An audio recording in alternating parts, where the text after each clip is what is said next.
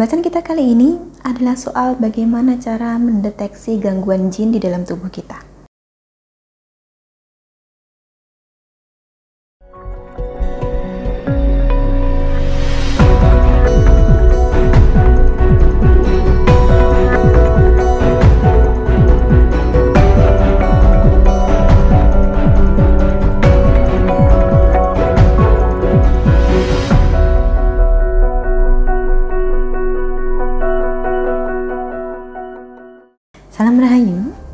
Dewi Sundari di sini. Apa kabar Anda? Saya doakan semoga selalu sehat dan senantiasa diberikan kemudahan serta kelancaran di mana pun Anda berada. Bacaan kita kali ini adalah soal bagaimana cara mendeteksi gangguan jin di dalam tubuh kita. Secara mudah dan sederhana tentu saja, karena diharapkan agar Anda bisa melakukan pendeteksian ini sendiri di rumah. Beberapa dari Anda mungkin masih ingat, dulu pernah saya bagikan video yang membahas tentang ciri-ciri gangguan jin tidak kurang ada sekitar 50 ciri ketika itu. Termasuk di antaranya adalah emosi yang tidak terkendali, pusing, rasa sakit, dan lain sebagainya. Karena ciri-ciri yang jumlahnya tidak sedikit ini, maka memang akan lebih mudah jika ada cara untuk mendeteksi gangguan jin secara mandiri. Langsung saja, bagi Anda yang ingin melakukan pendeteksian, maka yang perlu Anda siapkan hanyalah madu dan air hangat.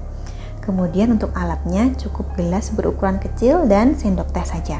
Atau bila tidak ada sendok teh, sendok biasa juga tidak masalah. Langkah pertama, siapkan madu sekitar 2 sendok teh. Masukkan ke dalam gelas.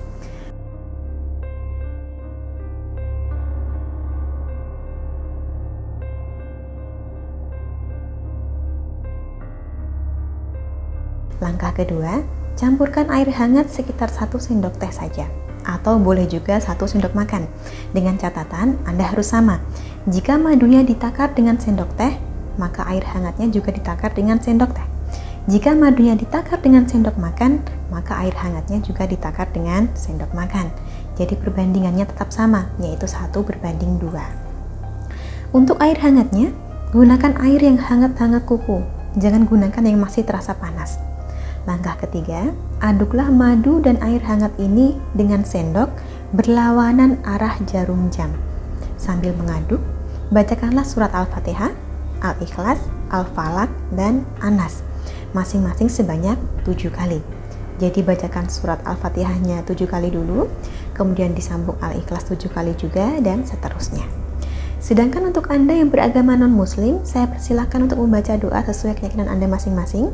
Jika bisa, pilihlah doa yang mengarah pada perlindungan diri atau pertahanan terhadap godaan setan dan jin. Kemudian langkah keempat, tiupkanlah ke dalam gelas tersebut dengan niat memohon agar ditujukan segala gangguan yang mungkin ada di dalam badan. Terakhir, minumlah madu dalam sekali tegukan. Biarkan masuk ke dalam perut selama beberapa saat sambil menahan napas. Tandanya bila ada gangguan jin dalam diri kita adalah muncul gejala tertentu.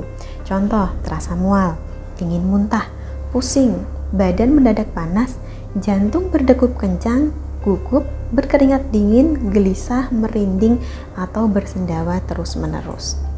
Jika gejala yang muncul adalah ingin muntah, maka sebaiknya dimuntahkan saja. Bila muntahnya berlangsung terus-menerus, sebaiknya segera istirahat dan minum air putih. Cara pendeteksian ini meskipun bisa dilakukan secara mandiri, tetapi ada baiknya bila Anda didampingi. Sekedar untuk mengantisipasi bila nantinya Anda membutuhkan bantuan. Baiknya pula dilakukan pada pagi hari sebelum Anda sarapan.